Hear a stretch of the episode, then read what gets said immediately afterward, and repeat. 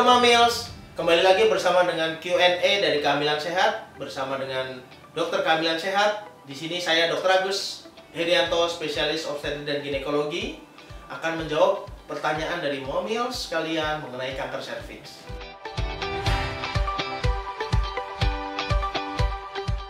Penyebab dari kanker serviks yang harus kita ketahui dulu adalah kanker serviks terjadi karena ada perubahan mutasi dari sel yang awalnya normal, sel yang awalnya keadaannya baik, bermutasi menjadi sel yang abnormal atau menjadi sel kanker. Meskipun belum diketahui penyebab pasti dari kanker serviks, namun faktor utamanya adalah infeksi virus yang disebabkan oleh human papilloma virus atau HPV. HPV ini sendiri selain menginfeksi leher rahim, dia bisa menginfeksi mulut, kemudian tenggorokan ataupun anus. Infeksi e, virus HPV ini menular biasanya melalui dengan hubungan seksual.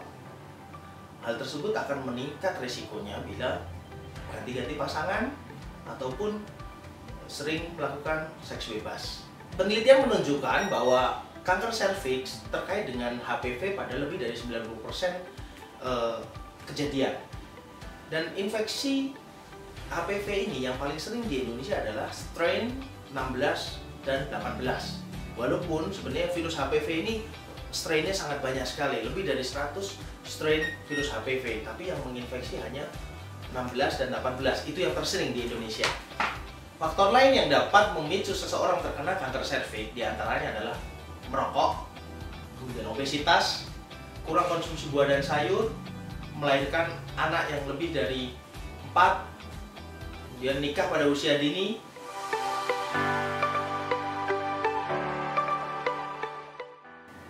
Tidak diketahui gejala pada stadium awal atau pada stadium lesi prekanker. Hampir tidak menimbulkan gejala.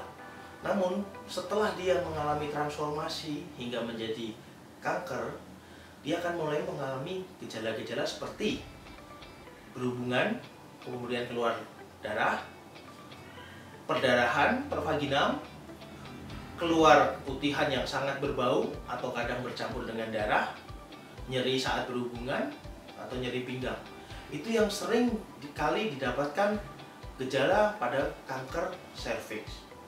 Selain itu, apabila mengalami metastase yang lebih luas, dia akan bisa memberikan gejala ke seluruh organ di tubuh kita tergantung seberapa jauh metastasisnya.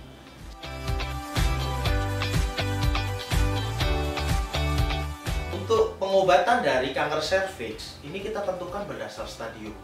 Tadi saya sudah sebutkan, kalau kita mengetahui dalam keadaan lesi prekanker, kita bisa melakukan tindakan misalnya operatif untuk mengangkat organ panggul secara luas sehingga wanita tersebut akan terbebas dari risiko terkena kanker serviks.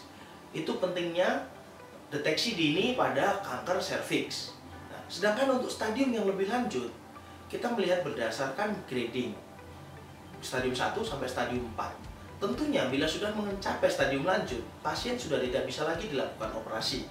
Yang bisa kita lakukan hanya dilakukan radiasi penyinaran dengan disertai dengan kemoterapi.